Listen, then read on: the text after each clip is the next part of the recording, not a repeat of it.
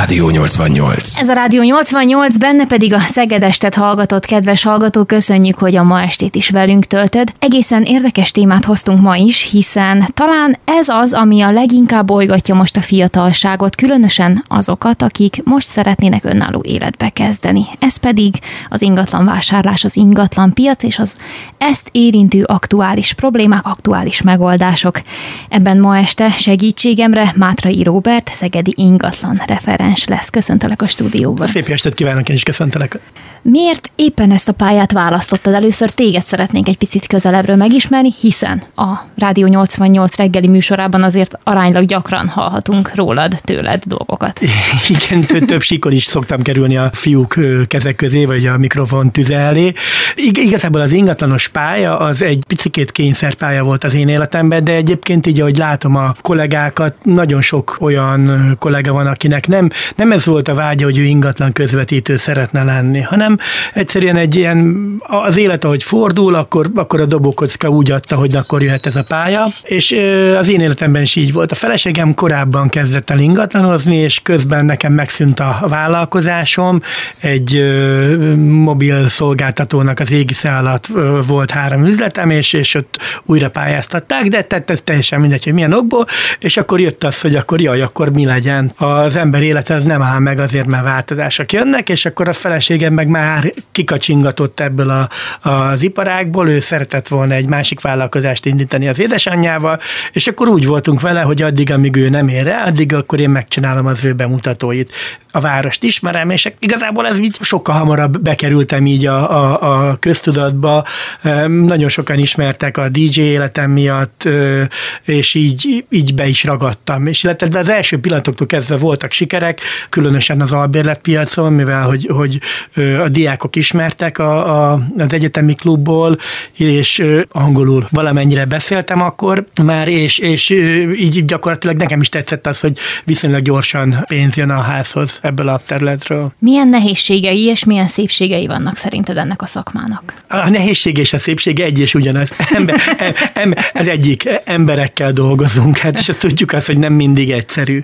Egyébként nagyon jó dolog emberekkel foglalkozni, sok múlik azon, hogy az ember hogy tud odafigyelni a, a másikra, mennyire tudja memorizálni az igényeit a, a, az érdeklődőknek, mennyire tudja a szűrésnél, esetleg az ingatlanok szűrésénél a vevő szájából, vagy az érdeklődő szájából elhangzott érveket újra vissza ismételni, és tulajdonképpen tudatosítani a, a, az érdeklődőbe, hogy ő hát igazából ő elmondta, hogy valami ilyesmit keres. De igazából a szépsége az, amikor az ügyvédnél felállunk, és a nyer-nyer helyzet megteremtődik, és boldog az eladó, boldog a vevő, hiszen mindenkinek teljesült a vágya. Egy pillanatra visszakacsintva erre az albérletes dologra, amit mondtál ott az elején. Csak úgy arányaiban miből van több most a piacon? Inkább az albérletet keresik többen általad mondjuk, vagy akár más ingatlan közvetítők által a tapasztalatot szerint, vagy inkább az eladóházakat, lakásokat? Nyilván mindenkinek más egy picikét a területet. Tehát van, aki el is határolódik attól, hogy albérletekkel foglalkozzon. Nyilván nála az eladások azok, amik a vezérfonalat viszik. Mi mind a két területen foglalkozok. Ebben a szezonban, meg ugye általában az elmúlt időszakban ennek a gazdasági környezetnek köszönhetően sokkal inkább az albérleti piac az, ami erősebb, és azok a tranzakciók a gyakoribbak. Szegeden ez mindig így volt? Vagy hogy, hogy látod, a nyár mindig erősebb volt albérlet szempontjából? Talán a nyár az, igen, igen, tehát ugye egyetemi város vagyunk, rengeteg fiatal jön, rengeteg fiatal megy, keresik a lakhatási megoldásokat, nyilván azt tudjuk, hogy a kollégium az nem mindenki számára opció, a külföldi diákoknak a rendelkezésre bocsátott kollégium az ugye kint van a Pesti úton, otthon kevésbé szeretik, illetve hát akinek az anyagi lehetősége megvan rá, ő, ő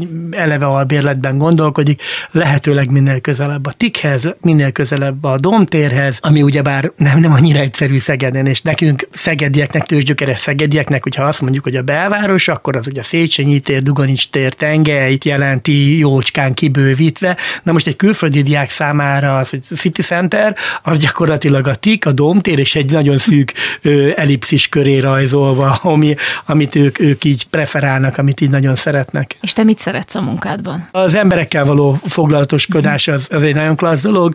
Nagyon szeretem a, a fiatalokkal való lógást, idézőjelben lógást, mert amikor egy három-négy lakást velük végignézünk, akkor általában gyalog megyünk, beszélgetünk közben. Egyrészt örülök neki, hogy be tudom mutatni a várost valamennyire, főleg egy külföldinek, aki éppen adott esetben először van aznap Szegeden. Tehát és azért az azt gondolom, hogy ez egy tök jó dolog, hogy tőzsgyökeresként szín nem azt mondom, hogy mindent tudok a városról, de, de mindenhez van egy-két gondolatom, egy-két szavam, amit tudok róla beszélni, illetve hát betekintést kapok az ő világukba, miért választották Szegedet, honnan jöttek, abban az országban miért kevésbé jó mondjuk az oktatás, illetve hát nyilván különböző vallású országokból is érkeznek, és, és nagyon érdekes dolgokat beszélnek róluk, és most kifejezetten a, a muzulmán területekre gondolok, és azért tudjuk azt, hogy ennek a világnak a megítélése nem föltétlenül mindig pozitív, vagy nem nagyon sok fél információnk van erről a világról, és, és amikor én őket kérdezem esetleg egy picikéket, és akkor mondják, hogy Mr. Robert, ne haragudj, de mi tanulni jöttünk ide, mi a tudomány miatt vagyunk itt, mi tiszteljük a vallásunkat, tiszteletben tartjuk a, a szokásokat, de nem az motivál bennünket. És egyébként jellemzően mit szoktak mondani, hogy mi vonzotta őket Szegedre? Egyrészt Nyilván az oktatás gondolom. Az, az oktatásnak a színvonal és a minősége az megkérdőjelezhetetlenül uh-huh. ott van az elsők között, de azt azért nagyon jól tudjuk, hogy vannak nagyon-nagyon jó egyetemek máshol is, nagyon magas színvonalú oktatás van máshol is. Itt azért nekik mérvadó az, hogy milyen távolságban van mondjuk a közel-kelethez képest, közel vagyunk, tehát az a négy-öt órás repülőút, az azt gondolom, az már a mai világban semmi, illetve megfizethető az ország az ő zsebüknek, az ő pénztárcájuknak. Van, amit ki szoktak emelni Szegeddel kapcsolatban az ide érkező diákok, vagy akár bármi más külföldi Ö, országból érkező? Amit kiemelnek Budapesttel kapcsolatban, mert ugye a, nagyon sokan az első évet, vagy az előkészítő évet, az Budapesten uh-huh. csinálják meg, és akkor utána még tudnak dönteni, hogy Budapest, Debrecen, Pécs vagy Szeged, de közben utazgatnak, és azt látják, hogy Szeged az egy élhető, ilyen kampusz jellegű igazából a belvárosunk, mert minden, minden gyakorlatilag sétányi távolságban 6-8 perc alatt elérhető, ezt nagyon szeretik ebben a, a városban, illetve a, a délies temperamentumát, azt nagyon, meg, meg, meg élhető, tehát kellően mozgalmas, viszont kellően nyugodt arra, hogy tanulni is lehessen. Jól elkanyarodtunk a fő témától, de jellemzően milyen kérdésekkel fordulnak hozzád az ügyfelek, vagy a leendő ügyfelek, hogyha az ingatlanozásról van szó? Hát valakinek eladó ingatlanja van, az első kérdés mennyi a jutalék. Amióta a föníciek ezt a gonosz pénzt bevezették, nyilván ez egy fontos tényező, és akkor ilyenkor szokott az jönni, hogy nyilván mi adunk is érte valamit, hogy, hogy ezt a jutalékot a végén kifizeti, de nyilván az első kérdések között szokott ott lenni. Kérdés az, hogy lefele vagy fölfele mennek az árak. Ez, ez megint csak egy gazdasági trendnek a függvénye éppen, hogy milyen irányba megyünk, milyen gyorsan lehetne mondjuk eladni az adott ingatlant, amiről szó van, mennyit lehet alkudni, mennyit illik alkudni, vagy mennyit szoktak alkudni, hogyha valaki venni akar, ha valaki el akar adni, akkor nyilván az árképzésnél ez egy fontos dolog lehet. Hogyha valakinek van egy eladó ingatlanja, mondjuk egy öröksége, és ez neki olyan helyen van, amit kevésbé szeretne, hogy mit tudnék venni ebből a pénzből mondjuk a város másik pontján, vagy mennyivel kellene kipótolnom ezt az összeget, hogy én valamit tudjak venni, vagy ha valaki befektetésnek vásárol, ha ezt megveszem, akkor ezt mennyiért fogom tudni kiadni, hány év alatt fog megtérülni ennek a, a befektetésnek az ára. Ez jellemzően ezek a kérdések, amik így, így Ha eladnak. Ha eladnak, igen, igen. Ez az alkudozás engem érdekelne. Ez hogyan működik a gyakorlatban? Mikor illik és mikor nem illik alkudni? Mindig, piacon vagyunk. most, most lehet, hogy néhány eladó az legszívesebben kétszorítana a torkomhoz, hogy ilyet mondok, de igen, piacon vagyunk, tehát ezzel a vevők is tisztában vannak, vagy az érdeklődők is tisztában vannak. Sajnos azt látjuk, hogy most túlárazott a piac, ami a hirdetési portálokat érinti. Igazából van egy örök mondás, minden annyit ér, amennyiért el, el fog kelni, vagy mennyire el lehet adni. Mindenkinek a saját portékája a, a legszebb, a legédesebb, a legmézesebb, a, a legpraktikusabb, a legújabb, a legmodernebb. Valljuk be, ez nem mindig így van. És nagyon nehéz kiózanítólag hatni a tulajdonosokra, amikor a, az árképzésről van szó. Ennek ellenére nyilván mi azon az áron kezdjük el hirdetni, amit ő elvár tőlünk, hogy nyilván a lehető legtöbbet hozzuk ki az adott ingatlanból. Az alkododása, hogy be fog indulni, pedig nyilván, hogyha van egy valaki, akinek ez a dolog ezt tetszik, hát ő is, ő is azzal jön, hogy fú, hát azért ez egy picit drága. Én azt szoktam kérni tőlük, ha bemegyünk egy ingatlanba, ne kezdjék el ott helyben pocskondiázni, az nem vezet jóra, mert az, az csak csökkenti az alkupozícióját, mert lehet, hogy ő szimpatikus, de gyakorlatilag ezzel a, a hadművelettel így ezt így kihúzza, és akkor nyilván az előadó oldalról bejön a tüske, hogy minek akarja ő megvenni, hogyha ha nem is tetszik neki, ha ennyi baja van vele, akkor keressen másikat. Itt jön be az a dolog, hogy akkor igazából tényleg eladó az az ingatlan. Valóban eladó az ingatlan, de a sértegetés az nem vezet jóra. És ő ezt személyes sértésnek veszi, azt mondja, hogy ha hú, hát egy picikét igazából itt a festés már régi. Persze, hogy régi, azért akarja eladni, de nem fogja kifestetni eladás előtt, tehát ez teljesen logikus. Akkor, hogyha már ott vagyunk, hogy bementünk az ingatlanba, nem sértegeti, elmondja a, a külön hogy összefoglalja, hogy mik a pozitívumok benne, mik a negatívumok benne, és én annyit kérek tőle, oké, okay, ha tetszik az ingatlan, tegyen egy ajánlatot jellemzően mi nem szeretjük, nem szoktuk összeengedni a feleket, tehát annyira dinamikus világban élünk, hogyha mi most mindenkit egyszerre egy helyre szeretnénk összehozni, az nem biztos, de ez, ez csak lassíthatja a dolgot. Tehát telefonon nagyon-nagyon sok mindent meg lehet oldani, mi ezen a párton vagyunk, az irodánk ezt a vonalat képviseli, és hál' Istennek elég jó sikerrel működik. Tehát, hogyha kapunk egy számot az egyik oldalról, vázolja a fizetési konstrukciót, hogy ő ezt hogy tudná produkálni, a másik oldal nyilván első körben vagy leesik a székről, vagy nem esik le a székről, ahogy ezt hallja. De, de ugye ezért szokott jó lenni, hogyha felkészítjük az eladókat, hogy azért számoljanak arra, hogy amit ő kigondolt, az nem nincs kőbevésve. És hogyha ha, ha eladó neki az ingatlan, akkor esetleg visszamond egy kisebb számot, mint ami az elképzelése volt, két-három lépésben össze tudunk érni, és akkor hurrá mehetünk az ügyvédhez. Emlékszel véletlenül olyan esetre, amikor valami brutálisat sikerült alkudni? Elő szokott fordulni, igen, igen, több, több is volt azért ilyen a, a praxisban, például végrehajtás alatt álló ingatlannál, tehát amikor már majdnem koppan a kalapácsa a végrehajtónál, akkor már mindenbe kapaszkodnak az eladó oldal, mert, mert, mert akkor van még esély, hogy nekik több pénz marad a zsebükben, és, és volt ilyen, hogy ö, 45 millióról 32 ér elkelt valami, Nyilván abban benne volt egy pici túlárazás is, de hát a készpénznek az ereje az, az ebbe az esetbe bebizonyította az erejét. Hogy van az a része a dolognak, hogy amikor egy eladó ingatlanról beszélünk, akkor nyilván az ingatlanosnak is az az érdeke, mint ahogyan az ügyfélnek is, hogy minél többért tudja eladni, jó lesz mindenkinek. Viszont ehhez képest, hogyha a vevői oldalról beszélünk, akkor nyilván az az érdeke a vevőnek, hogy minél olcsóbban találjon magának megfelelő ingatlant, és nyilván ezzel az üzlet nyilbeütését illetően az ingatlanosnak is ez a, ez a pozitívum. Hogy jön össze a kettő?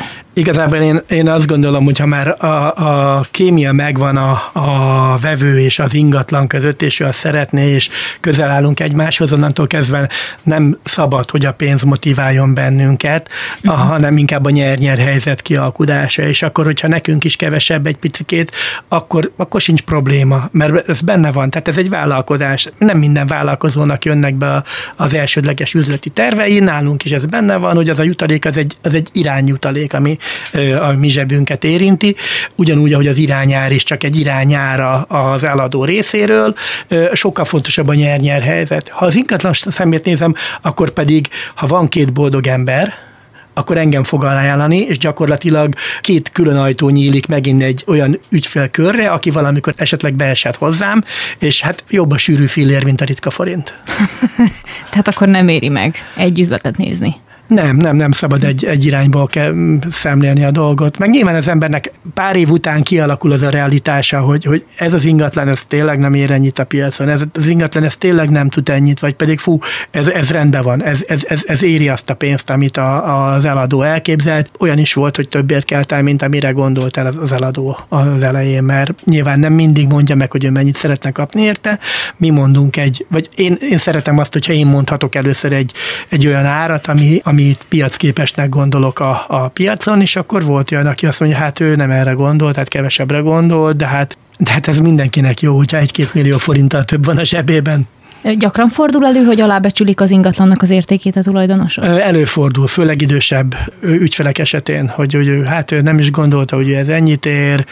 Nyilván azért gyakoribb az, amikor többet gondolnak az ingatlanról, mint ami valójában tud a piacon. Különösen érdekes talán az a része az ingatlan vásárlásnak, amikor a fiatalok szeretnének lakáshoz jutni, hiszen azt gondolom, és a piaci tapasztalat is az, legalábbis azok alapján, aminek utána olvastam, hogy most van talán egy igen nehéz helyzete annak, aki 20-30 éves korában szeretne lakáshoz, házhoz, bármilyen ingatlanhoz jutni. Kérdés pedig drámai, és lehet, hogy bonyolult. Hogyan lehet lakáshoz jutni fiatalként ma Magyarországon? Igaz drámai. Tehát abban az esetben, hogyha valakinek a családi büdzsé megengedi, szülői, nagyszülői támogatás megvan, akkor viszonylag könnyebb helyzetben van a, a fiatal. Abban az esetben már, hogyha mondjuk ők párként kezdik, akkor, akkor még könnyebb helyzetben van, hogyha mind a két irányból megkapják ezt a támogatást, meg tudják kapni ezt a támogatást, és tegyük föl, hogyha nekik ez a támogatás akkora mértékű, hogy az ingatlan árát fedezi, akkor, akkor gyakorlatilag ott vagyunk a célegyenesben, akkor már csak meg kell találni találni. Hogyha nem ennyire jó a gazdasági háttér, akkor nyilván nehezebb a dolog. Egyedülállóként nem túl rózsás a helyzet, mert gyakorlatilag akkor csak a piaci alapú hitel van, egyedülállóként nem számíthat babaváró hitelre, hiszen ahhoz kell egy, egy élettársi viszony, legalább egy házastársi viszony. Ugyanez az igaz, hogyha valaki a, a mostanában csoknak hívott, jó pár éve csoknak nevezett családok otthon teremtő kedvezményével szeretne élni, hát ott is a, a párkapcsolati háttér az fontos hozzá. Tisztázzuk, hogy a élettársi viszony is már annak számít, hogy föl lehet venni ezeket? Hogyha rögzített élettársi viszony, akkor igen. Ez meg a jegyzőnél intézhető. Igen, igen, igen. Uh-huh. Közjegyzőnél is, igen. Aha. Tehát, hogyha ha ezek a háttér kapcsolatok megvannak, akkor, akkor már jogosultak arra, hogy ilyen szociális alapon felvehető hitelekhez jussanak, de ez még mindig nagyon-nagyon kevés, amennyibe kerül egy ingatlan. Most nézzünk egy nagyon-nagyon egyszerű példát, egy ha van egy, van egy mondjuk egy 25 millió forintos ingatlanunk, és a, a fiataloknak a zsebébe semmi nincsen, fölvesz egy babaváró hitelt, ami maximum 10 millió forint lehet a fizetések függvényében, és korban is, ugye fiatalokról beszélünk, tehát a kor az nem, nem kérdéses ebben az esetben, mint az életkor, akkor van 10 millió forint, ez önerőnek számít. Tehát neki még emellé föl kell vennie minimum 15 millió forint hitelt. De hiába számít önerőnek, hogyha a második hitel elbírálásánál a bank azt is nézni fogja, hogy ő már tulajdonképpen fizet egy 10 millió forintos hitelt. Uh-huh. Függetlenül attól, hogy a babáró hitelnek a konstrukciója az olyan, hogy, hogy ha, ha megszületik az első gyerek, akkor fixálja azt a kedvezményes kamatot, amivel fölvette, ha megszületik a második gyerek, akkor elengednek valamennyit belőle, három gyereknél meg a teljeset elengedi a, az állam, de hát azért ahhoz három gyereket kell produkálni, most ez így nagyon csúnyán hangzik, és, és mi van akkor, hogyha ez nem sikerül? Vagy kifutnak az időből. De a lényeg az, hogy a bank azt nézi, hogy ezt a hitelt is fizetnie kell, meg amit majd tőlem fog fölvenni, azt is fizetnie kell. Itt igazából még csak azért vagyunk jó helyzetben, mert van egy kedvezményes babaváró hitelünk, meg van egy kedvezményes lakás célú hitelünk, és nem piaci alapú áruvásárlási hitelből gondolkodunk, vagy, vagy egyszerűen ilyen, ilyen kötetlenül szabadon felhasználható hitelről gondolkodunk. És hát azért akkor az nem egyszerű, hogy most ők ezt fogják tudni fizetni, vagy nem fogják tudni fizetni. Hogyha esetleg van lakás, takarék, pénztári ö, megtakarításuk, ugye az is önerőnek tekinthető, de az is is, amellé is egy hitel párosul, hogy ő azzal valamit tudjon ö, igazából kezdeni a lakáspiacon, és hát valljuk be, amit itt 15-20 évvel ezelőtt elindítottak a lakástakarékpénztáraknál, akkor jól hangzó nominális érték az ma nagyon-nagyon elenyésző az ingatlan árához képest, még hogyha az állami célú támogatási benne is van abban a hitelben, vagy abban a konstrukcióban. Nagyjából mennyi az az összeg, amivel egyáltalán érdemes bármit is elképzelni, vagy bármit is elkezdeni? Mit célozzunk meg, hogyha mondjuk most kezdünk takarékoskodni? Hát, sok pénznél jobban. Nagyon-nagyon nehéz. Én azt gondolom, hogy ez egy annyira specifikus dolog, hogy, hogy ehhez ö, mindenképpen egy szakembert illik beengedni a pénztárcánkba. Tehát keressünk egy hitelkonstruktőrt valamelyik pénzintézetnél, vagy forduljon az ingatlanosához. Ő biztos, hogy fog tudni ajánlani olyan hitelest, aki segít ebben neki ö, a lehető legjobb ötleteket adni. Nyilván az is egy szakma tehát, sőt, elég komoly szakma. Igazából ők azok, akik ebben jó tanácsot tudnak adni, hogy de én azt gondolom, hogy azért egy legalább egy 20-25 százalék önerő az, az jó, hogyha megvan az ingatlan árához képest. Mit tehetünk akkor, hogyha semmiképpen nem szeretnénk hitelt felvenni, mert olvasni ilyeneket is, akik ragaszkodnak ehhez? Ö, hát igen, akkor mama hotel, otthon maradni és takarékoskodni. Mert nyilván, hogyha az ember elmegy egy albérletbe, akkor az azt jelenti, hogy alsó hangon rezsivel együtt minimum 150 ezer forint, ami már kimegy a takarékossági keretből, uh-huh. és ez, ez csak lassítja azt, hogy az a pénzösszeg az a rendelkezésére álljon. Mondhatnám a szerencsejátékot, de hát ez gyakorlatilag a, a levegőbe eldobott pénz, hogy most akkor abból lesz-e valami vagy sem.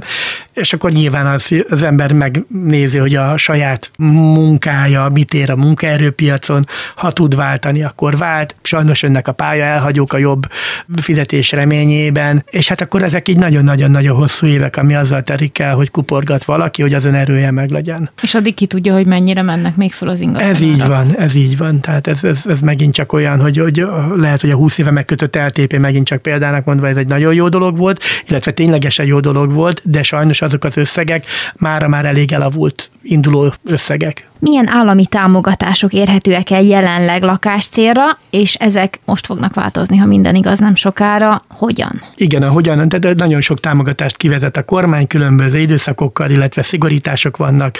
Többek között a babaváró hitelnél a hölgyek életkorát változtatták. Ugye a városi csokot, ami egy 10 millió kvázi ingyen pénz, plusz 15 millió forintos kedvezményes hitel, ezt kivezetik, a falusi csok az megmaradt, az ugye azt hiszem, hogy 3000 lélekszám alatti településeknél még igénybe vehető.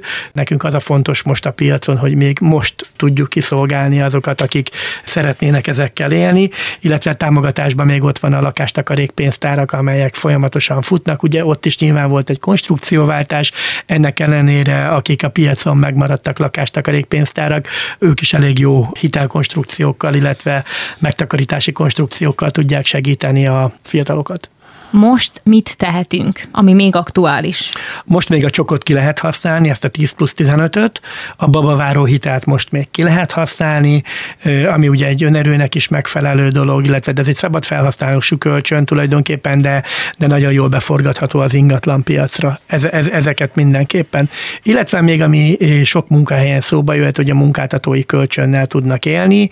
Van néhány olyan cég, ahol ez, ez elég jó, főleg az állami szférára gondolok gondolok azért. Nem sokáig lesz már így ez a konstrukció, ahogy most ismerjük a csokot meg a babavárót, de talán akik most még érintettek lehetnek, azoknak nem árt tudni a részleteket. Mi az, ami fontos? Mi az, ami fontos, hogy ha, ha legyen egy szándék, hogy ők ingatlan szeretnének vásárolni, legyen olyan jövedelmük, ami mellé ezeket a hiteleket be tudják vásárolni, és hogyha ezek megvannak, akkor minél hamarabb kezdjenek el keresgélni, és találják meg azt az ingatlant, a, a, ami esetleg még éppen fejlesztés alatt van, vagy építés alatt van, hogy minél hamarabb meglegyen az adásvételi szerződés, vagy a kivitelezői szerződés, és akkor azzal ezeket a hiteleket már föl tudják venni. Hogyan látod a tapasztalataid alapján, milyen előnyei vannak ezeknek a konstrukcióknak, és milyen hátrányai lehetnek?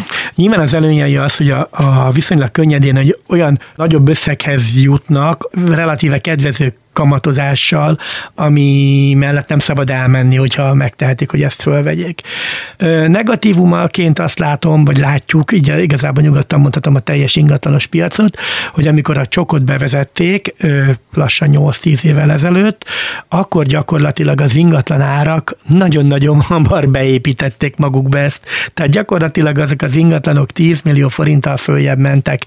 Így vagy úgy az építetőnek a, a nyerés merészkedésének köszönhetően, az ingatlanárak emelkedésének köszönhetően, de nagyon-nagyon hamar benyelte azt a 10 milliós büdzsét, amit tulajdonképpen a, az államtól mondjuk azt, hogy ingyen kapott egy három gyerekes család. Említettük, hogy egy 8-10 évvel ezelőtt került bevezetésre a csok. Na most az, hogy ilyen gyorsan benyelte az ingatlanpiac ezt a többlet jövedelmet, vagy többlet ö, pénzt, amit rá tudtak szánni a fiatalok, vagy rá tudnak még mindig szánni a fiatalok az ingatlan vásárlásra, Ez hozzásegítette egyébként az ingatlanpiacot a fellendüléshez maga a jelenség, vagy, vagy inkább visszavetette, mire emlékszel? Kétségtelen, hogy hozzásegítette a fellendüléshez, hiszen nagyon-nagyon-nagyon sok újépítésű családi ház, társasház, ikerház, sorház került ebben az időszakban a, a fiatalok tulajdonába.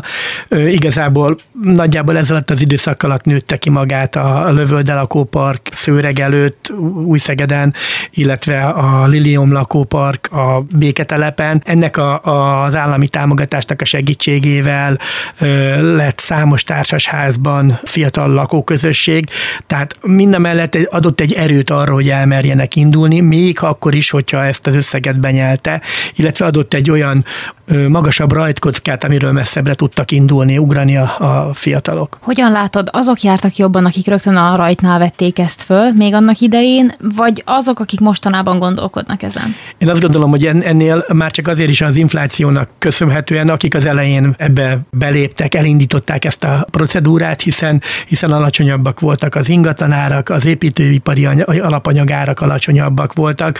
Még most sem rossz, tehát ha valakinek az a kezdőtőkéje megvan hozzá, csak mondjuk 8 évvel ezelőtt például új Szent Ivánon 35 millió forintért hozzá lehetett jutni egy új építésű 85-90 négyzetméteres sorházhoz. Na most ugyanez inkább a 70-nél van, mint a 35-nél. Tehát gyakorlatilag így az inflációnak köszönhetően duplázódott a, a fogyasztói ára, tehát az eladási ára egy ilyen ingatlannak.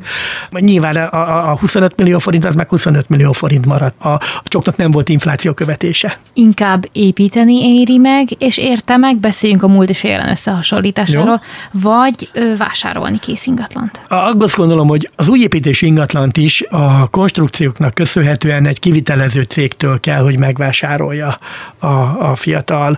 Tehát az a kalákában Európában építünk dolog, ez már nem tud működni. Tehát ez, ez, ez gyakorlatilag megszűnt jogilag, hogy ez így meglegyen. Nyilván ki lehet játszani, meg vannak rá megoldások, de, de beszéljünk a legális dolgokról, úgyis azok állnak hozzánk közelebb. Igazából majdnem, hogy mindegy. Csak akkor, hogyha valaki építet, nyilván akkor is van egy kivitelező, aki megcsinálja, akkor bele tud szólni abba, hogy ez a fal ne itt legyen, most amerikai konyhás legyen, vagy külön konyhás legyen, és inkább a, a nappali étkező legyen egybe. Ez nyilván a háziasszonynak a, a habitusától, a főzési szokásaitól függ, mert ugye ez, ez egy nagyon megosztó tényező ma egyébként a piacon, függetlenül attól, hogy új építés, vagy nem új építés, hogy amerikai konyha, vagy zárt konyha, ez, ez külön egy misét megér. És ugye ilyen akkor bele tud szólni, hogy ha van egy készing terv, amire a kivitelezés már megindult, és azt készen vásárolja meg, akkor sokkal kisebb az átalakítási lehetősége már a, a megrendelőnek, illetve a vevőnek. Megéri-e egy olyanba belefogni, hogy mondjuk egy egészen olcsó, akár falusi, akár tanyaépületet, bármi ilyesmit néhány millió forintért megvásárolunk, akár önerőből, és aztán nekiállunk valahogy tatarozgatni. Ennek van-e értelme? Mindenképpen van értelme, mert ez a, ez a klasszikus, fokozatos célelérési metódus, de akkor azért érdemes szakemberrel megnézetni azt az épületet, hogy az milyen állapotban van, bír el esetleg egy tetőtér ráépítés, ha arra van szükség, milyen a, a szigetelés, de itt ez a műszaki körülmények megfelelőek.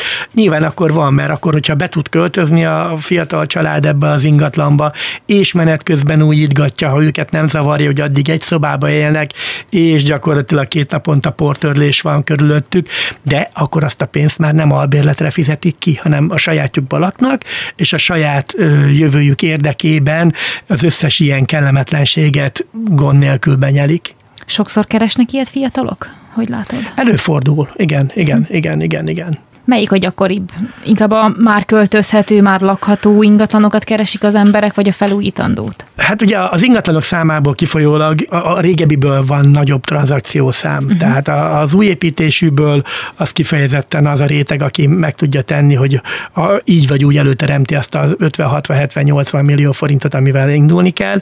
Míg ebben az esetben, hogyha egy, egy Szeged vonzás körzetében lévő településen megvesznek mondjuk 20 millió forintért egy 85-90 négyzetméteres házat egy nagy portával, ami éppen lakható, de nem az ő igényszintjüknek megfelelő, akkor azt így megveszik és elindítják ezt a folyamatot, esetleg a tetőt majd két év múlva cserélik ki, vagy a cserepeket, vagy azzal kezdik, hát nyilván azt szokták mondani, hogy először a kalap legyen a fejen, utána már nem ázik semmi, tehát azért az, az megint csak a, konzultációs partnerétől, kivitelezőtétől függ, hogy ő hogy javasolja ezt a sorrendet, de egyébként gyakori ez, hogy, hogy a régit veszik meg, és azt újítják föl. Megfogalmazódik valakiben az a gondolat, hogy akár hogyan is, de ő már pedig egy ingatlant fog tulajdonolni hamarosan. Mi a folyamata? Hát igen, a gondolat az megvan, és onnan indul minden, akkor nagyon jó. Nyilván akkor tisztában kell lennie, hogy mi van a zsebében hogy milyen konstrukciókkal tud neki menni ennek az ingatlanvásárlásnak, mennyi önereje van, mekkora hitelre jogosult, és akkor ezeket így lezongorázza nagyjából párhuzamosan azzal, meg nyilván az, hogy ebbe a, a költségkeretben mi az, ami belefér, és akkor azzal akár egyedül, akár egy ingatlanos segítségével elindul a, a, az ingatlanoknak a szűrése, a vadászat, hogy mi az, ami jó lehet, mi az, ami nem felel meg, hol kell kompromisszumokba belemenni, méretben, lokációban, emeletben, mert ugye sokaknál ez is kizáró tényező, hogy én nem megyek fel a harmadik felé, mert bla bla bla. Egy fiatalnál ez ne legyen probléma, és közben meg megveszi 12 ezerért a fitness bérletet, tehát ez így, ez így, ez így zárójelbe. Igen, tehát ha megvan az, hogy mit szeretnénk, akkor elindul a folyamat, hogy akkor egyeztetünk az ingatlan tulajdonosokkal, elmegyünk, megnézzük, hogy ö, mi az, ami van, értékeljük a látottakat, tetszett, nem tetszett, mi nem tetszett benne, ö, mi az, amit kiemel benne, hogy nagyon jó volt, mennyire felel meg a kockás füzeten leírt leírtaknak az, amit láttunk, mit kellene változtatni azon, hogy ebből olyan legyen, ami ne, mondjuk neki tetszene, esetleg azzal együtt a felújítással belefér az ő kereteibe, vagy esetleg azt mondja, hogy ez nagyon jó helyen van, ez, ezt vegyük meg. Na, ha megvan az, hogy igen, ez legyen az, akkor jön a már korábban vázolt áralkú, összehozzuk a feleket virtuálisan, vagy ha igényük van, akkor személyesen leülünk beszélgetni. Megvan a kézbecsapás, mehetünk az ügyvédhez. Az ügyvédet ugye mindig a, a vevő választja, az ingatlanosok nagyon-nagyon szeretettel ajánlják a saját ügyvédjeiket, pont azért, mert tudják azt, hogy megbízhatóan dolgozik, és gyakorlatilag akkor nem fogja se a földhivatal, se a hitelintézet visszadobni. Ez, ez egy normális együttműködési kapcsolat az ügyvédekkel. Ha az megfelelő, akkor az ügyvéd elkészít egy tervezetet, átolvassa mindkét fél, megfelelő, nem megfelelő, aláírják a szerződést, az önerő átutalásra kerül, bekerül a pénzintézethez, a pénzintézet csinál egy hitelminősítést, fölméri az ingatlant, hogy akkor a hiteltartományt elbír Jó esetben ezt meg tudjuk tenni esetleg előre is, hogyha a necces a, a hitelnek a mérete, vagy a, a, a volumene, akkor megvan, hogyha az ügyvédnél rendben volt minden, a hitelintézet is folyósítja a fönnmaradó vételárészt, kifizetésre kerül, és jöhet a birtokba adás, ami a legboldogabb pillanat talán, amikor a, a vevőnek, a, ekkor már vevőnek nevezzük az érdeklődőt, a vevőnek a kezébe kerül a kulcs, és indulhat a folyamat, hogy végigjárni a közműszolgáltatókat, hogy minden a, a vevőnek a, a nevére kerüljön minden szerződés. Különböző illetékekről is lehet olvasgatni. Ezek hogyan működnek? Nem csak olvasgatni lehet, be is kell őket fizetni. Ja, hát nyilván, nem hátrány, hogyha komolyan veszük, igen. Igen, az alap, alap felállás az, hogy van egy 4%-os vagyonszerzési illeték, ezt meg kell fizetni mindenkinek. 35 év alattiaknak első ingatlan szerzésére van kedvezmény, Ebben most nem vagyok biztos, de két százalékra, tehát ezt inkább kérdezze meg valaki egy hitelszakértőtől vagy egy ügyvédtől. Tehát ott, ott, ott van kedvezmény. Ha valaki új építésűt vásárol, illetve csok kapcsolódik hozzá, akkor az illetékmentes az a vásárlás.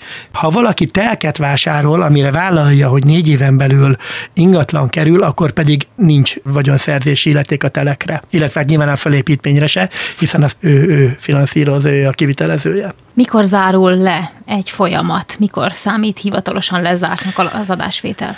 Igazából a, amikor az utolsó vételárész megfizetésre kerül, az eladó értesíti az ügyvédet arról, hogy a vételár teljes mértékben megérkezett hozzá, és akkor az ügyvéd él azzal a, a kötelezettségével, hogy a nála letétbe helyezett birtokról való lemondó nyilatkozattal besétál a földhivatalba, és ott véglegesítik a tulajdonjogát ruházást. Mennyire gyakori az, hogy valaki részletre adja el, vagy részletre vásárolja meg az ingatlan? Hát ugye a részletre vásárlás meg a részletre eladás, ez egy picit netes téma. Tehát én azt gondolom, hogy minden esetben a legfontosabb, hogy pénzintézet legyen benne, még akkor is, hogyha szeretjük szidni a pénzintézeteket, hogy merők milyenek.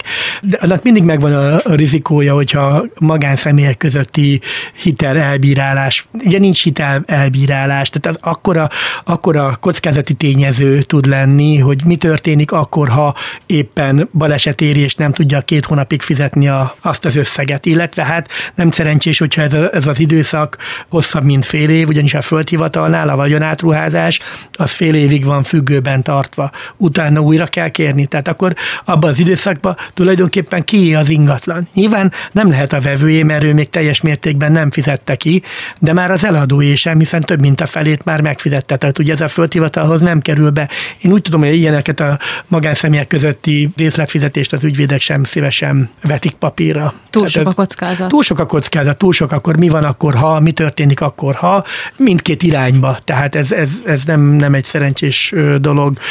Mi történik akkor, hogyha a kivitelező cégnek a nevén marad mondjuk az ingatlan, de akkor a céggel történik valaki. Én fizetek egy darabig a cégnek, oké, nyilván mindennek van nyoma papíron, tehát ezért ennek kell, hogy nyoma legyen, de akkor is mi van, hogyha a céget közben felszámolják. A cégbíróság azt látja, hogy a felszámoló, hogy, hogy annak a cégnek van X ingatlan a nevén, de hát én azt már kifizettem részbe, tehát itt jön ez a rengeteg és rengeteg jogi kérdés. Én ezt senkinek nem javaslom, hogy ilyenekbe menjenek bele, még akkor, hogyha a szomszédtól veszem meg csak a kis terket, ami a kertünkben van, vagy az árkertünkben van tehát ez, ez sem szerencsés.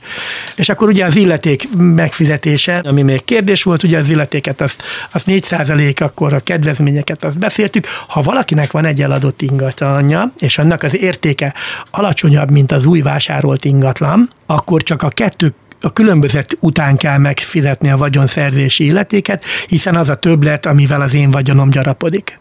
Beszéltünk arról, hogy miféle adókat kell befizetni, különböző illetékeket, hogyha vagyonhoz jutunk, tehát vagyonszerzési illetéket. De mi van akkor, hogyha eladok? Hát amikor eladunk egy ingatlant, egyrészt boldogok vagyunk, hogy van egy új vevő, és mi, mi teljesítettük azt a vágyunkat, hogy szeretnénk ezt az ingatlant értékesíteni. Nekünk fölmerülhet személyi jövedelm adó fizetési kötelezettségünk. Ez abban az esetben merül föl, hogyha az ingatlan kevesebb, mint öt éve van a mi nevünkön. Ugye teljesen logikus, hogyha én veszek valamit, mondjuk egy hét múlva eladom drágábban, akkor ott nekem nyereségem keletkezik, mint a hagyományos kereskedelemben, azért a nyereség után nekem valamennyi adót kell fizetnem. Ez a nyereségadó, nevezen, jó, oké, személyi jövedelem aladó, ingatlanok esetében, hogyha növekmény van az értékben, akkor a különbségnek a 15 a Ez, amit adóban be kell fizetni, ez az adó alapunk rá.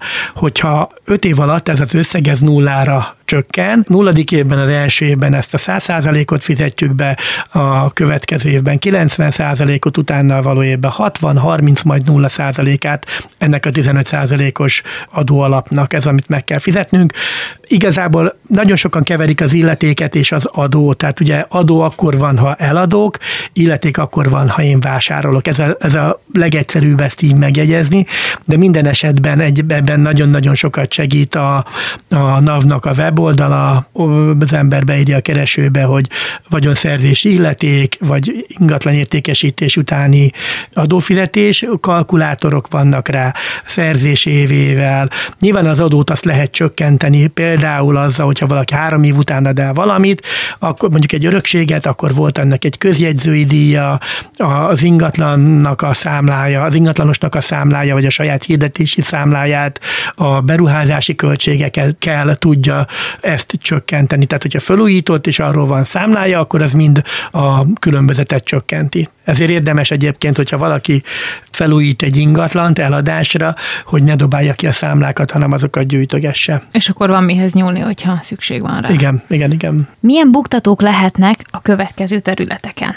a használt ingatlan vásárlásánál, az új ingatlan vásárlásánál és az árverezésre bocsátott ingatlanok terén. Melyik lehet a jobb, ha vásárlói szemmel nézzük? Igazából az, hogy ki mit szeretne vásárolni nyilván, mert új építésű ingatlan nagyon ritkán árvereznek. Tehát, hogyha valaki ezt szeretne vásárolni, nézzük az első körben az új építésűt, mert talán itt a legkevesebb a rizikó. Itt nyilván ami rizikónak fölmerülhet, hogy esetleg az építőipar egy cég az mekkora múltum, mekkora stabilitású, és hogy a, a, az ígéretektől eljutunk-e a valóságig. Én, én azt szoktam javasolni, hogy azért ezt a kivitelező céget azért az ember az monitorozza le, káderezze le, szerezze referenciákat, nézzen meg ingatlanokat, amik már működnek, mert akkor azért az a kivitelezési minőséget az nagyon jól tükrözi, hogy ott mi történik. Én minden esetben akár új építéséről van szó, akár használtról van szó, vagy felújítandóról van szó, javaslom, hogy az ismeretségi körben lévő szakembereknek a segítségét kérjék. Megéri azt a még baráti alapon is azt a pár tízezer forintot az a segítség, amit tudnak adni, mert nem mindenki szakértő ezen a téren. Bár tudjuk, hogy Magyarországon a politikához, a focihoz és az ingatlanokhoz mindenki ért, de azért, azért jó erre figyelni, hogy tényleg legyen egy szakértő, hiszem, aki ezt átvizsgálja. Az új építésűnél nagyjából ezek a rizikófaktorok lehetnek, és akkor ott, ott utána készen van. Bár én az utóbbi időben nem hallottam Hát Szegeden nem nagyon hallottam ilyenről, hogy az utóbbi időben probléma lett volna. Minőségi kifogással éltek, meg élnek is, ez, ez benne van. Nyilván minél nagyobb volumenű egy építkezés, annál kevésbé tud a műszaki ellenőr is odafigyelni minden területre. Sajnos ez, ez vele járója az építőiparnak is, meg minden egyéb területnek.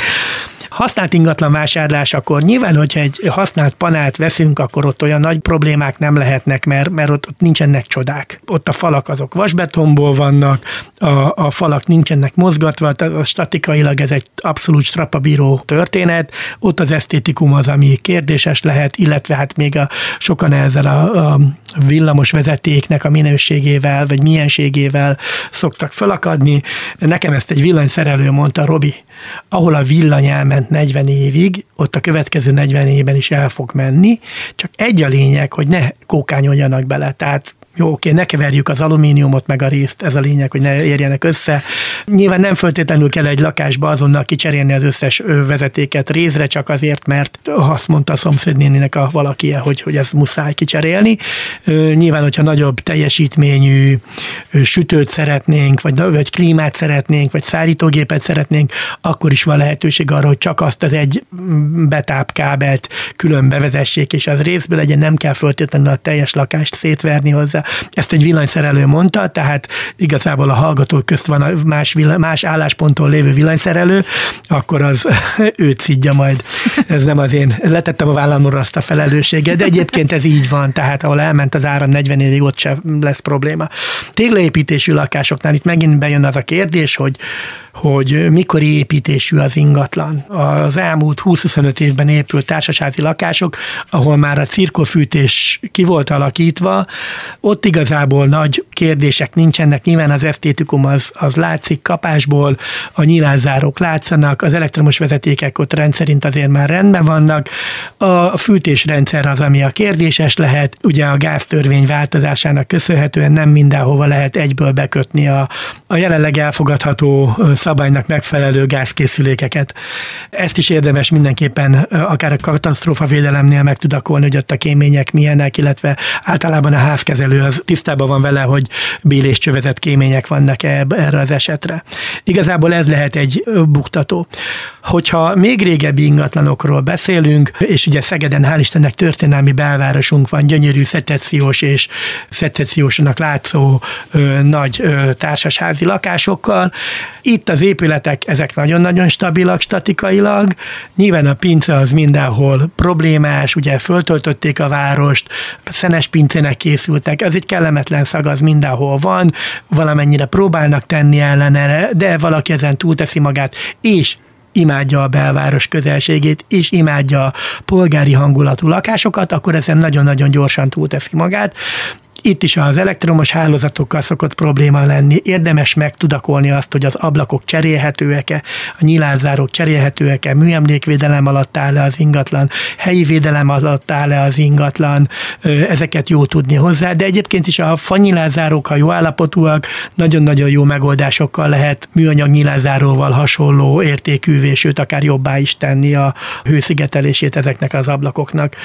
Itt le, ez lehet a buktató, illetve szintén a, a kémények béléscseverése, tehát a fűtésrendszer kialakítása lehet még kérdéses, hogy egy polgári lakásban, házban hogy lehet ezt megcsinálni. És akkor a fölújítandott családi házak a következő, ami így, így a bő szórásból kimaradt. Itt mindenképpen érdemes megnézetni azzal a már megkért szakemberrel, hogy a vízszigetelés milyen. A vízszigetelés alulról, illetve fölülről a lényeges, tehát alulról, hogy a, a lábazati szigetelés meglegyen, fölülről, hogy a tetőszigetelés meglegyen. Hogyha ez a kettő rendben van, utána közte már bármit meg lehet csinálni, de ezek a területek, ahol nagyon-nagyon zsebbe kell nyúlni, hogyha probléma van. Árverezésre bocsátott ingatlan. Na most ez egy külön kategóriát képvisel, gyanítom, az ingatlan piacon belül. Ő neki milyen buktatói lehetnek? Hát igazából akik már odáig eljutnak, hogy az ingatlanjukat, vagy az ingatlanjuknak egy részét egy tulajdonos miatt, egy tulajdoni hányadát árverezésre bocsátják, igazából ott már ott a buktató leginkább a bentlakók részéről van, hogy mi lesz velük a későbbiekben. De mi a vevő szempontjából nézve, nyilván ezek általában ár alatt kerülnek árverezésre. Mennyivel körülbelül, mire lehet számítani? Hmm, változó ez igazából a függ annak, hogy mekkora a teher, ami miatt árverezésre került, tehát azért azt, annak a névértékét azt a végrehajtó azt figyelembe veszi, de, de azért jócskán 30-50 százalékos piaci ár alatt is kerülhetnek ki a, az ingatlanok árverezésre. Nyilván itt azért érdemes megnézni azt, hogy az árverezési kiírásban benne van-e az, hogy az az ingatlan költözhető-e vagy sem. Mert hogyha nem száz százalékban, tehát hogyha nem egy per egyben kerül árverezésre az ingatlan, mondjuk egy olyan tulajdonos van, aki felelőtlen módon orbaszájba vette fel a hitereket, éveket, és, és nem fizette, és mondjuk a, a 30% az övé, akkor a 30% ra tehát a 30% os tulajdoni hányadot bocsátják árverezésre. Ezzel valaki mondjuk spekuláns módon megveszi azt a 30%-ot árverezésen, de ugye ott ki van írva, hogy ez az ingatlan nem beköltözhető. És akkor a későbbiekben, hogy ennek mi lesz a sorsa, ez mindig függ azért attól az embertől, aki ezt így megveszi. Itt lehet hallani békés megegyezéseket, esetleg azt, hogy uzsorakamattal a meglévő tulajdonosok visszavásárolják tőle a tulajdoni hányadot, vagy az, hogy az az úriember mondjuk, aki megvette, tisztességesen tesz egy piaci ajánlatot a fönnmaradó tulajdonrészre, Nyilván ez azoknak, akik bent laknak és tisztességesen éltek, sosem lesz kellemes történet. Tehát itt, itt, itt valakinek mindig, mindig fáj a feje, valakinek mindig lesznek rossz napjai, de akkor kellett volna figyelni, amikor árverezésre került az ingatlan, illetve amikor a hitelek rákerültek a tulajdoni lapra. Sajnos ez egy nem túl rózsaszín könyvbe illő kérdéskör, de, de ezekre kell figyelni. Egyébként pedig állapottól függően, szóval akik így vettek árverezésen ingatlanokat, ott nyilván egy kiköltöző család mondjuk egy panel lakásból, akiknek már ingegatyája a banké volt, meg, meg a, a végrehajtóé volt, általában nem szoktak figyelni, hogy mekkora rumlit hagynak ott, vagy mennyire éppen adják át az ingatlant. Tehát ez nem olyan, mint egy normál adásvételi szerződésnél, hogy a megtekintett állapotra vonatkozik a vételár. Itt ők már hát van egy nagyon szép magyar ige, amit most nem fogok kimondani, de teljes mértékben érdektelen számukra, hogy, hogy az az ingatlan milyen állapotban maradott. Ők kiköltöznek, amikor a végrehajtó kötelezi őket, és ott hagyják az ingatlant borzasztó állapotokban, tehát ö, nyilván ezt lehet minősíteni, de nincs értelme. Ők így tudtak menekülni így, így, így, így élték túl ezt a problémát, hogy, hogy kényszerből ellettek onnan költöztetve, nem törődnek azzal, hogy az az ingatlan hogy maradt ott. Általában, aki így vásárol ingatlant, az tisztában van vele, hogy annak az ingatlannak egy nagyon-nagyon erős felújítás lesz a következő életlépése. Lehetséges, hogy annyival olcsóban sikerül megvenni ezt a végrehajtásra bocsátott ingatlant, hogy még a felújítási költségekkel együtt is egy egészen jó üzletet kössön? Egészen biztos. Egészen uh-huh. biztos. Tehát ez, ezt van vannak cégek, akik elég komoly darabszámban vásároltak meg így árverezéses ingatlant, és azok kerültek vissza az ingatlan piacra, fölújítva, tehát gyakorlatilag a benne lakó se ismerne rá, hogy ő ott élt. No de Szegeden mi a helyzet jelenleg az ingatlan piacon? És most itt teljesen átadnám neked a gyeplőt, hmm. mi az, amit fontos lehet tudni, és mi az, ami... Igazából egy picit most álmosnak érezzük a szegedi piacot. Nyilván ez a gazdasági körülmények is betudható, de nem titok, hogy a nyári uborka szezon is itt van a nyakunkon. Tehát ez mindig így van? Ez mindig így van, hmm. tehát ez, ez kétségtelen, hogy ilyenkor a, a nyaralás és a grillezés jár az emberek fejében, nem pedig az ingatlan vásárlás, kivéve akkor, hogyha mondjuk az egyetemista gyerkőcnek szeretnének a szülők Szegeden ingatlant vásárolni. Ez mondjuk ez a tranzakció szám az utóbbi években azért lényegesen lecsökkent, így elmondható, hogy város szinten, hogy mm, többek között azért is, mert, mert nyilván az ingatlan árak megváltoztak, másrészt a diákoknak a tanulmányi szokásaiba bekerültek a, a mindenféle ösztöndíjak, elmegy két évre külföldre, akkor mi lesz addig a lakása, kiadni nem akarják, mert nem azért vették, nincs, aki ide odafigyelne rá. Tehát ez a szándék, ez egy picikét, mintha csökkent volna a piacon. Bízunk benne, hogy ez a csok kivonás, vagy megszüntetés, kifuttatás, ez az új építős ingatlanokat most még itt az év végén egy picikét meghajráztatja, és ebben nyilván a kivitelezők is bíznak, valószínűleg a pénzintézeketek is nagyon szeretnék, hogy ez így történjen. Csak a gyanunkat tudom mondani, hogy feltehetőleg így, hogy ezek az új építésű ingatlanok így a csoknak köszönhetően kipörögnek, akkor ismét fölértékelődnek majd a piacon a használt lakások, a használt ingatlanok.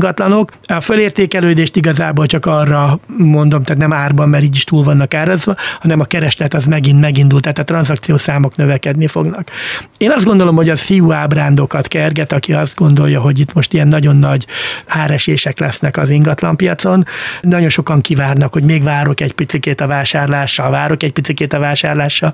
Elképzelhető, hogy egy picit leindulnak az árak, de akkor meg, hogyha az árak elindulnak lefele, akkor megint megnő a, a vásárlói kedv, és azt látják, hogy hú, akkor megint, mit tudom, öten jönnek nézni a mai napon az ingatlanomat, hú, akkor mégse engedek belőle annyit. Tehát gyakorlatilag ott marad a, a, az árszint, ahol nagyjából... Tehát egy ilyen öngeneráló egy, rendszer Egy öngeneráló lesz. Mhm. rendszer válik a dolog. Nekem a javaslatom az, hogyha valakiben megvan az elképzelés, ma már nem éri meg azt megcsinálni, hogy megnézek 30-35 ingatlant. Egyrészt tudok ilyet most?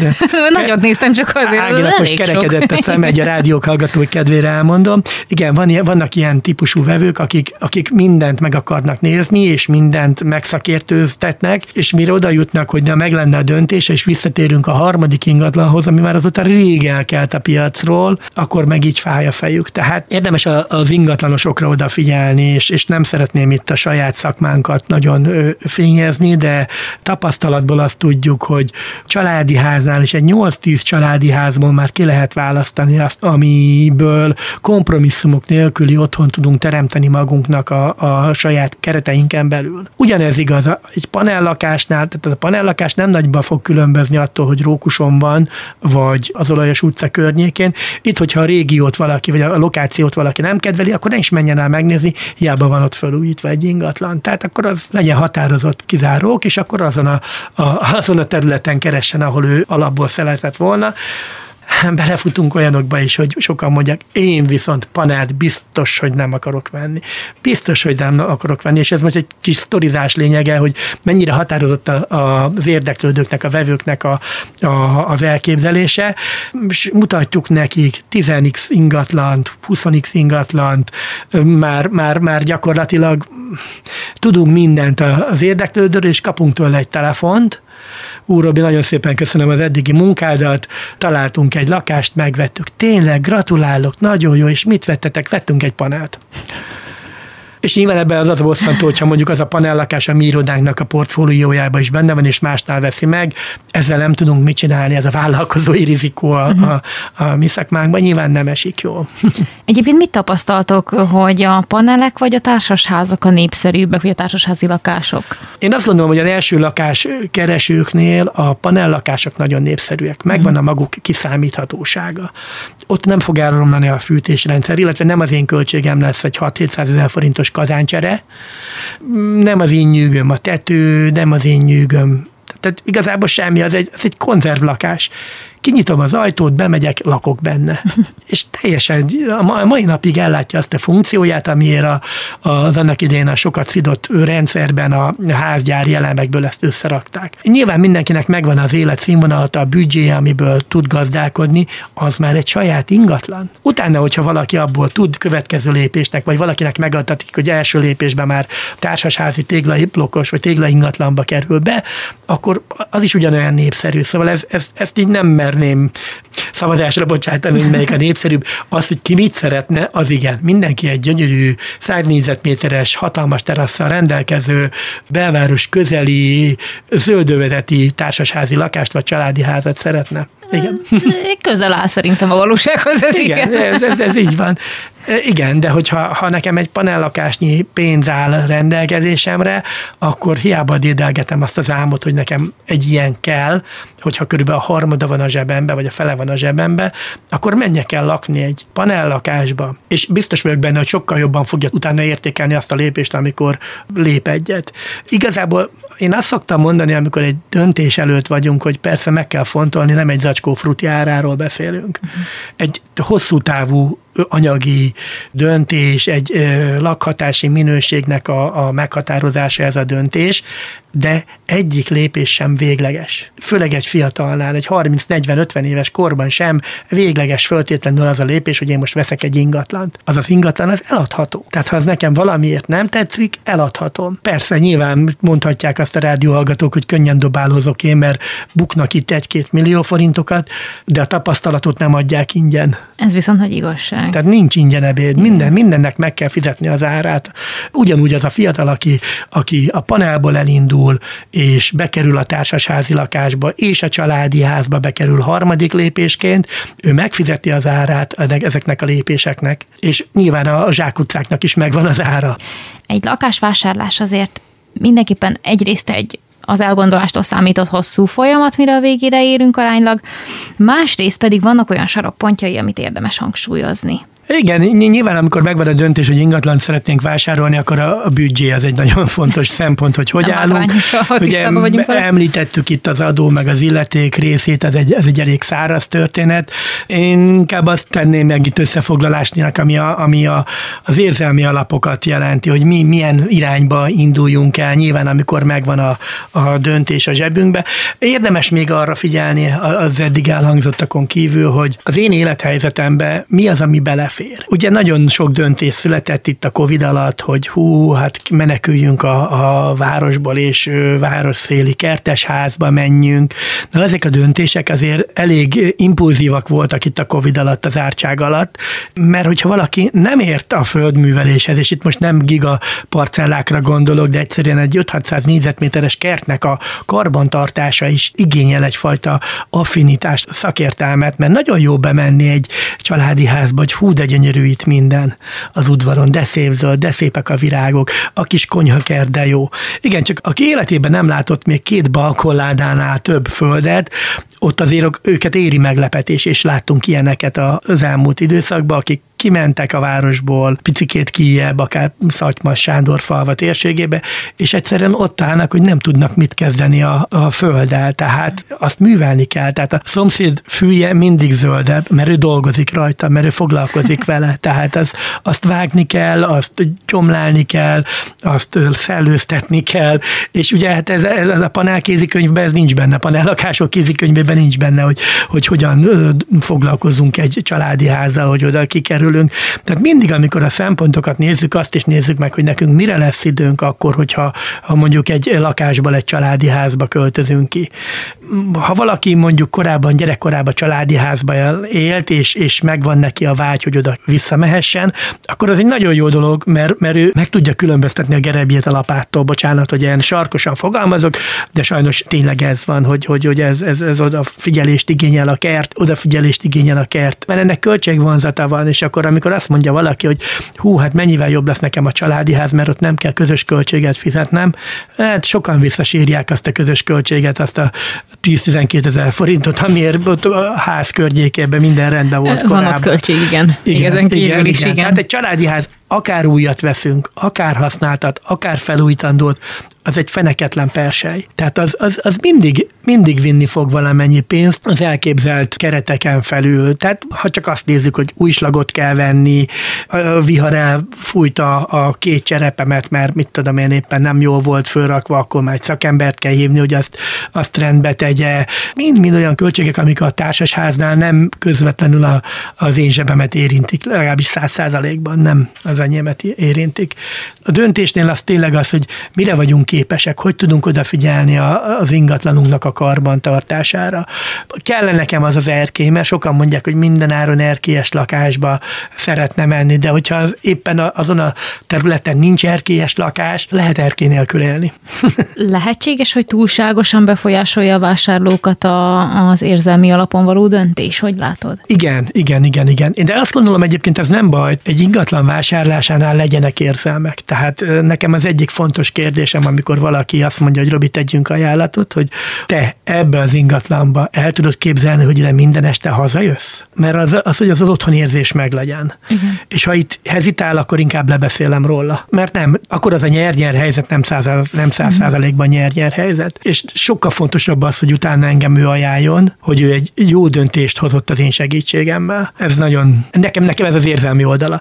Neki is az érzelmi oldala az, hogy olyan helyen legyen, ami tetszik neki, olyan városrészbe legyen, ami neki kellemes emlékeket idézett föl mondjuk a gyerekkoráról, vagy nagyon hasonlít arra, ahol mondjuk Győrben lakott, de Szegeden szeretne ingatlant venni, és mondjuk a vízpart közelébe szeretne lakni. De ezek az érzelmi döntések fontosak. Az igazi érzelmi döntések, hogyha az emberben nincs egy negatív érzés, amikor megveszi az ingatlant, azok pedig a bentlakás közbe kell, hogy kialakuljanak. Az, hogy ő hogy éli meg a mindennapjait a családjával, akkor fognak az érzelmek ott az ingatlanhoz kötődni igazából. Van olyan városrész egyébként Szegeden, ami népszerűbb a többinél, hogyha, hogyha fogalmazhatok így? Igen, de mindig, mindig vannak ilyen sláger városrészek. De ezek változnak akkor ezek Ez, Ezek változnak. Nyilván, nyilván más az, hogy egy, egy családi ház tekintetében ugye Új-Szeged nagyon-nagyon népszerű volt az elmúlt tizen sok évben. Most ezt átvette igazából már alsóváros, de gyakorlatilag alsóvárosan is azt látjuk, hogy lassan ki lehet tenni a betelt táblát, és szinte csak kihalásos alapon lehet ingatlanhoz vagy telekhez jutni. Mondjuk ez zárójelben az én szívfájdalmam, hogy gyakorlatilag ennek köszönhetően a városrész el is vesztette azt az arculatát, ami mondjuk 30-40 évvel ezelőtt volt rá jellemző, de hát nyilván egy dolog állandó a változás, és ezzel nem tudunk nagyon mit csinálni. Panelok tekintetében nyilván a, a, a kis Telekiede utca környéke az, ami nagyon-nagyon népszerű, reneszánszát éli az, hogy a, ugye nagyon sokáig szitták az olajos utca környékét, nem volt népszerű. Most igazából rájönnek arra az emberek, hogy ugye az, az első generációs tömbházak voltak, és ott már gyakorlatilag akkora árnyatadó fák vannak, hogy élmény ott sétálni gyakorlatilag a házak között, mert ez egy jó hangulatú városrészén nőtte ki magát ott a, az a rész is, és, és hát mindig, mindig megvannak. Inkább az, hogy valakinek vannak negatív felhangjai valamelyik városrészsel kapcsolatban, annak van is alapja, meg nincs is alapja, de nyilván nem szabad erőltetni, ha valaki nem akar Móravárosban ingatlant vásárolni, akkor ne akarjon már, akkor ne akarjuk lenyomni a torkát ne akarjunk a kopasznak sampont eladni. Tehát ez egy hasonlattal élve, hogy figyeljünk oda arra, hogy, hogy mit szeretne vásárolni. És ez, ez a sláger város részek, ugye ezek, ezek, ezek változóban vannak. Nyilván, amikor megtelik valami, mert most már új Szegednek is csak ott a, a túlsó végébe vannak szabad percellák, ahol építkezni lehet, illetve hát nyilván egy-egy fokhíj, ami időnként olyan állapotú ingatlan kerül áruba, ami, ami már, már csak bontással, tehát már nem menthető, csak bontandó. Ott ott, ott van még lehetőség esetleg. Van-e bármi, amit szívesen átadnál, vagy üzennél a szegedi lakosságnak? Döntsenek gyorsan. Ha elindultak egy úton, akkor ne húzzák, ne húzzák, mert, mert nem éri meg. Most lehet, hogy az ára egy picit lejjebb fog menni, de hogyha lejjebb megy az ára, akkor öten akarnak ráugrani. Ha valami tetszik, akkor találják meg a megoldást rá, hogy azt megvegyék.